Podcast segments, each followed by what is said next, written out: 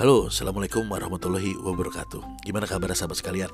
Kita jumpa lagi di podcast cerita bisnis yang ke-17 Semoga sahabat sekalian kehidupannya baik dan penghidupannya pun juga baik. Lebih baik dari kemarin dan mudah-mudahan semakin baik lagi ke depannya. Dan mungkin bagi teman-teman yang belum kenal, kita kenalan lagi ya. Saya adalah founder dari bantubisnismu.com BBDC dan Quantum Sinergi Umat qsu.co.id Dua bisnis saya tadi itu bergerak di bidang keuangan dan investasi. Kita mengedukasi bahwa untuk mendapatkan untung yang besar, baik dalam dunia bisnis maupun dunia investasi, perlu paham dulu ilmunya. Bahwa nggak semua investasi yang besar itu, yang besar bagi hasilnya maksudnya ya, resikonya selalu tinggi, nggak selalu seperti itu. Dan untuk menjadi investor pro tentunya kita juga butuh waktu, butuh pengalaman dan juga butuh jam terbang yang cukup. BBDC adalah salah satu perusahaan saya yang beraktivitas mencari dan mensortir bisnis yang potensial untuk diajakin kerjasama. Sedangkan eh, KSU tadi adalah lembaga keuangan yang menyediakan pendanaan untuk proyek yang telah disortir oleh BBDC. Jadi bagi teman-teman sekalian yang punya bisnis, merasa bisnisnya bagus, lagi bertumbuh, butuh bantuan untuk apa saja, baik itu manajemen, pembukuan, konsultasi marketing, maupun kerjasama pendanaan secara profesional, teman-teman sekalian jangan segan untuk kontak kami di BBDC. Bisa lewat email, bisa lewat WhatsApp, maupun juga bisa DM di Instagram kami. Atau misalnya teman-teman sekalian pengen ikutan investasi baru, bisa juga gabung sama invest, uh, investor forum kami. Kami memiliki banyak penawaran investasi yang menarik dengan bagi hasil yang cukup lumayan. Dan proyek-proyek kita bisa dilihat di websitenya di ksu.co.id. Jadi moga teman-teman sekalian mampirlah ke website kami agar teman-teman bisa mengetahui proyek-proyek apa saja yang tengah kami kerjakan.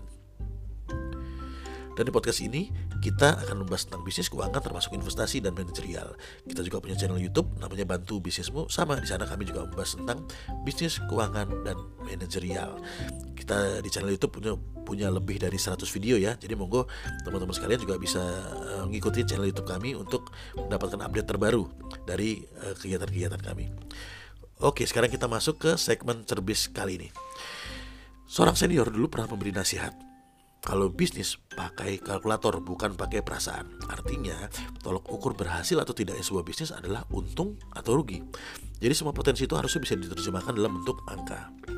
Tapi sering dengan waktu ya, ternyata saya ngerasa bahwa bisnis itu juga hitungannya nggak bisa selalu satu tambah satu sama dengan dua. Karena misalnya kayak gini, misalnya ya ada satu warung lalapan gitu misalnya ya, rame pembelinya.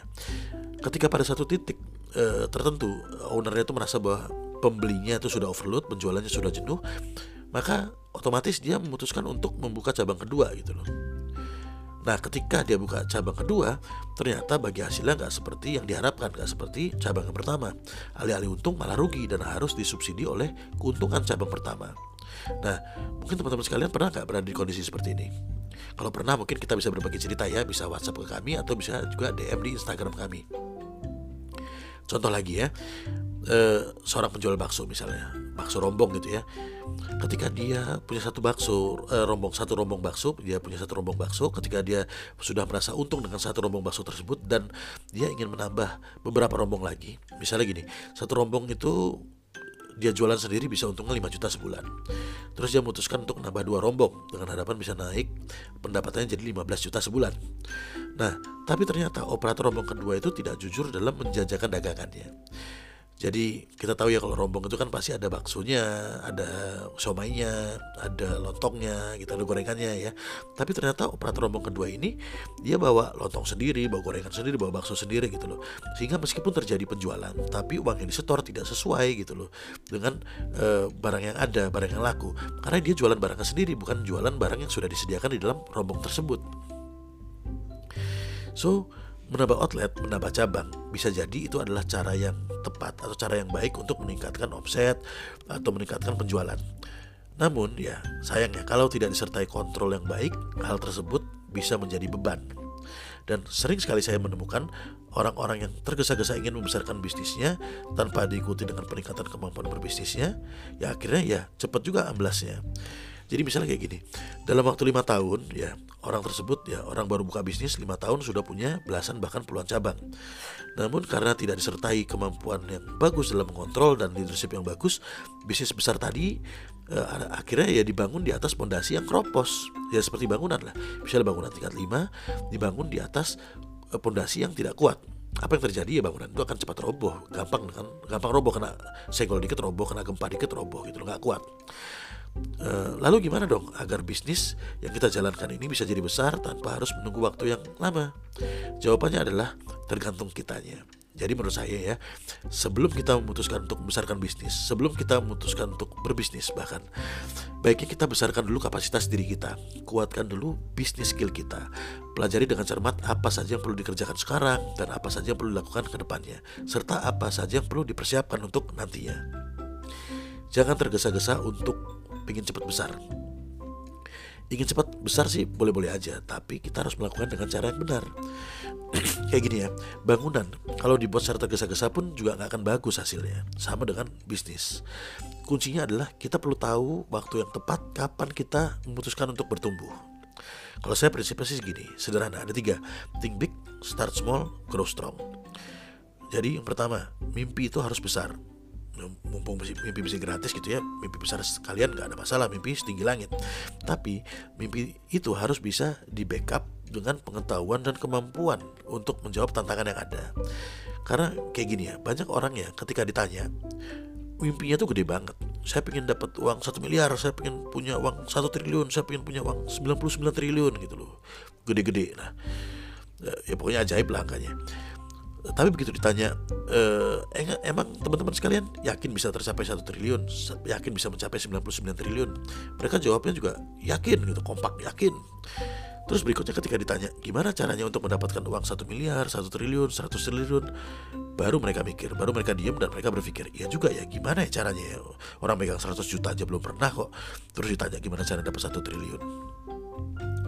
Jadi ya sering kali seperti itu. Tapi ya masalah mimpi itu nanti kita bahas di bab lain mungkin ya. Sekarang kita fokus ke hal ini dulu, ke speed. Berikutnya adalah start small. Nah, mulai segala sesuatunya itu dari yang kecil dulu.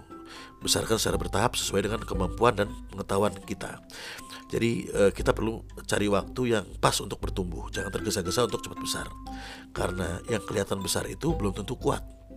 Fokus dengan masalahmu saat ini dan kita pecahkan dulu satu demi satu binaragawan yang badannya besar kayak gitu juga bukan langsung uh, dia pakai porsi latihan yang super berat di awal. Mereka juga mulai dengan latihan yang ringan sesuai dengan kemampuan mereka dulu. Lalu kemudian bertahap demi bertahap porsi latihannya ditambah sampai akhirnya mereka uh, terbiasa dengan porsi latihan yang berat. Eh, dan misalnya anda ya bisnis masih kecil mungkin kemampuan berbisnis anda juga masih di level belajaran mungkin ya. Ya otomatis jangan ngambil porsi tanggung jawab yang langsung besar. Misalnya anda baru memutuskan untuk membuka satu perusahaan tapi sudah merekrut 50 karyawan gitu loh. Ya kan nggak masuk gitu loh. E, penjualannya belum banyak beban gaji udah besar banget udah betepal gitu loh. Jadi itu akan jadi beban. Karena mungkin kenapa kok e, rekrutnya banyak banget? Ya karena dengan mungkin alasannya sederhana. Kalau kita bisa nampung lebih banyak karyawan, maka uh, kita akan bisa membantu lebih banyak orang. Karena lebih banyak rezeki yang dititipkan kepada kita. Tapi ya menurut saya nggak gitu juga lah. Mungkin uh, kita harus pelan-pelan gitu ya. Kita boleh langsung rekrut, uh, kita boleh rekrut 50 karyawan, tapi mungkin nggak sekaligus, mungkin bertahap. Uh, seiring dengan bertumbuhnya perusahaan kita, otomatis akan semakin banyak orang-orang uh, yang bisa kita rekrut nantinya. Semuanya itu ada waktunya teman-teman. Dan yang terakhir adalah grow strong. Ada yang punya pendapat gini, harusnya grow fast, bukan grow strong. Ya itu bebas sih, pendapat apa pun boleh-boleh aja. Kalau saya pribadi lebih suka tumbuh kuat daripada sekedar tumbuh pesat. Tumbuh pesat sah-sah saja menurut saya, tapi kita perlu kuat dulu. Ketika pondasinya kuat, persiapannya matang, uh, makin lama makin kuat gitu loh. Akhirnya ya bisa kuat juga menopang lebih banyak tanggung jawab, lebih kuat dalam uh, mampu lebih lebih apa ya, lebih matang dalam menyelesaikan banyak urusan. Jadi kesimpulan dari cerita bisnis kita kali ini adalah jangan tergesa-gesa ingin cepat besar. Ukur kemampuan uh, kita dulu dan tingkatkan secara bertahap dan kita perlu menikmati prosesnya. So mungkin demikian ya cerbis kita kali ini. Semoga bermanfaat bagi teman-teman sekalian terutama buat saya pribadi sebagai pengingat. Saya Iqbal Saladin Harhab mundur diri dulu. Sampai jumpa di episode cerbis kita selanjutnya. Assalamualaikum.